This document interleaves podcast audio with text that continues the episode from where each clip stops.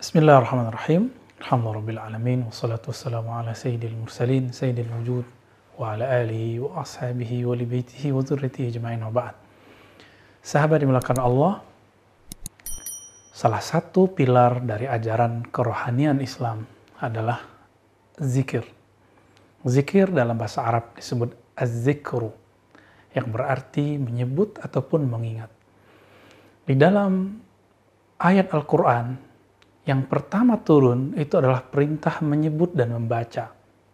Kita sering mendapatkan uh, pengkajian atau tafsir bahwa Nabi Shallallahu Alaihi Wasallam diperintahkan oleh Allah melalui malaikat Jibril, Iqra bismi rabbik. Bacalah dengan nama Rabbmu. Teman-teman yang melakukan Allah, ketika orang Arab mengatakan Iqra bi, ada ada kata jar majrur, ada lafaz jar di situ bi. Artinya sungguh-sungguh, semacam penekanan. Iqra bismi rabbik berarti bacalah dengan benar-benar menyebut nama Rabbmu. Pertanyaannya, siapakah nama Rabb kita? Apakah arti Rabb? Rabbul Alamin, Rabb artinya pencipta kita. Di dalam Al-Quran, misalnya surat uh, Al-Luqman, ya, dikatakan, وَلَئِن سَأَلْتَهُمْ مَنْ خَلَقَ السَّمَاوَاتِ وَالْأَرْضِ لَيَقُولُنَّ اللَّهِ Jika mereka ditanya, siapakah pencipta langit dan bumi? Mereka akan berkata, Allah. Ya. Begitu juga innal ladzina qalu rabbuna Allah summa istaqamu surah Al-Ahqaf. Sesungguhnya orang yang mengatakan Rob kami, pencipta kami, pengatur kami adalah Allah. Maka kalau ditanya, apakah yang dibaca Nabi? Ini yang jarang dibahas oleh para pengkaji ayat ini. Iqra bismi rabbik. Orang kemudian membawanya membaca ilmu pengetahuan. Ya betul itu tafsir. Tapi secara harfiah sangat jelas sekali Perintah ini menyebut nama Allah Subhanahu wa taala. Iqra bismi rabbik. Karena alam ini ada karena Allah Subhanahu wa taala menitahkannya menjadi ada. Di dalam hadis Imam Tirmizi, Allah Subhanahu wa taala berfirman bersabda kepada Luh Mahfuz, tempat di mana semua ilmu alam semesta tertulis di dalamnya. Apa kata Allah Subhanahu wa taala? uktub. Wahai luh mahfuz, menulislah engkau. Lalu luh mahfuz yang ada di atas langit tujuh sana, bahkan di atasnya lagi, bertanya, Ya Rob, apa yang akan aku tulis? Lalu luh mahfuz diperintahkan oleh Allah SWT menulis satu kalimat. Apa kata Allah? Bismillahirrahmanirrahim. Tulislah dengan nama Allah yang maha pengasih lagi maha penyayang. Sahabat yang melakukan Allah berarti wahyu risalah yang pertama turun kepada Nabi Muhammad SAW adalah menyebut membaca namanya. Nah, inilah zikir level pertama. Zikir dengan membaca. Meskipun kita tidak khusyuk, meskipun tidak merasakan kelezatannya, getaran-getarannya, mari baca dulu. Baca karena Allah itu gaib. Karena Allah itu juga zahir. Allah itu zahir dan batin. Maka mari membaca dengan zahirnya kita, lisan zahir kita, juga membaca dengan lisan batin, yaitu kalbu. Lalu turunlah surat kedua dan ketiga. Ini diperdebatkan apakah Al-Muzammil dulu atau Al-Muddathir. Kita ambil saja Al-Muddathir atau Al-Muzammil.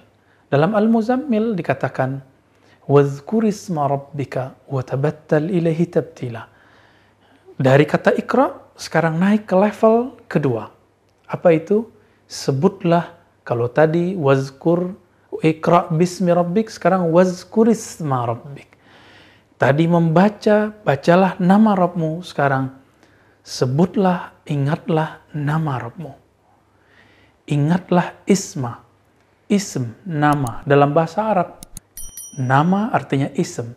Ism, ismun itu berarti sebutan yang luhur atau tanda simbol yang luhur.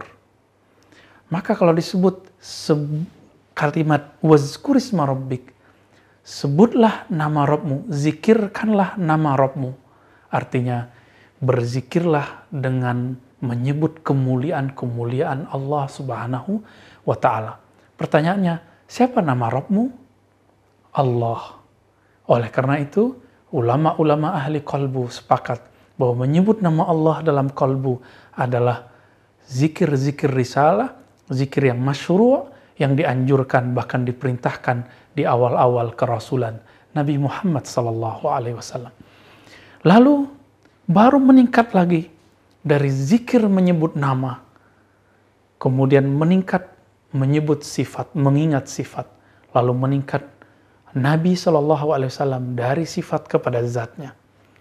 Oleh karena itu turunlah surat Al-A'raf. Wazkur rabbaka fi nafsik. Sebutlah Rabbmu, ingatlah Rabbmu di dalam dirimu. Tidak dikatakan lagi nama, langsung disebutkan Allah, ingatlah Allah dalam dirimu. Sebutlah Allah dalam dirimu. Karena Allah mulia, maka orang-orang yang menyebut nama Allah pasti mulia. Orang yang mengingat yang punya nama pasti mulia. Apa perbedaan isma rabbik dan wazkur rabbak? Ketika saya menyebut nama, Allah mengatakan ana ma'ahu idza zakarani. Dia aku bersamanya jika dia menyebut namaku. Adapun wazkur rabbak, ini lebih dekat lagi. Tidak hanya menyebut nama, tapi menyebut yang punya nama. Teman-teman yang melakukan Allah, setiap kali orang menyebut nama Allah, Allah tidak akan pernah jauh darinya. Maka Allah mengatakan, nahnu aqrabu ilaihi min hablil warid. Kami lebih dekat kepadanya daripada urat nadinya. Bukan di urat nadi, bukan di urat leher, tapi lebih dekat dari itu maka jangan coba mencari Allah di dalam tubuh ini. Tapi Allah lebih dekat dari tubuh kita. Karena Allah maha gaib. Allah maha zahir juga. Zahir kudrah iradahnya. Tapi zatnya sangat gaib dan batin.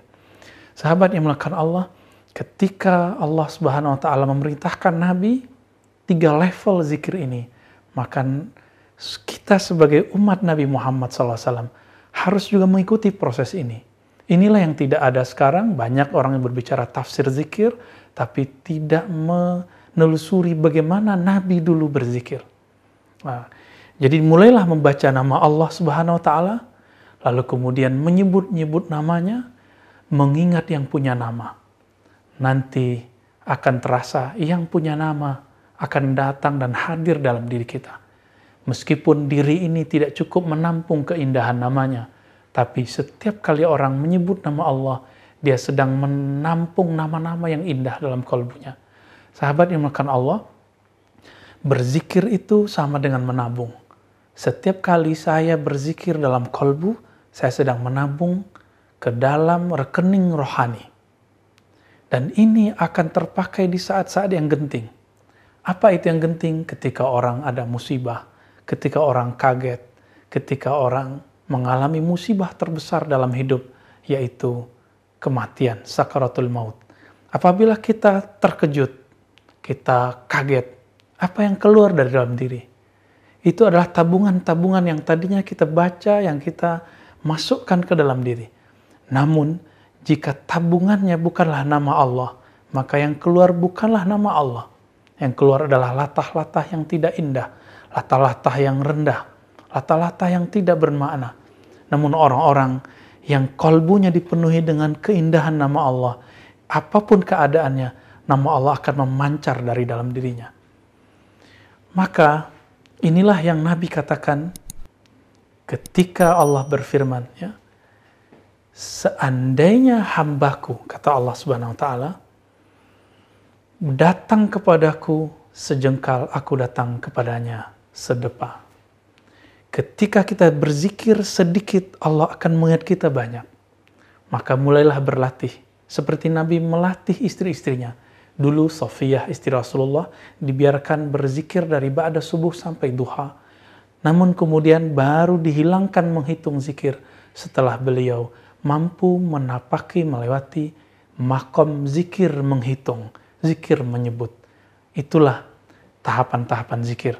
Mari kita berzikir sesuai dengan tahapan ini, cari guru yang ahli zikir, Sebagaimana kita belajar bahasa, cari guru bahasa, mari berbahasa ilahiyah dengan berzikir, menyebut nama Allah.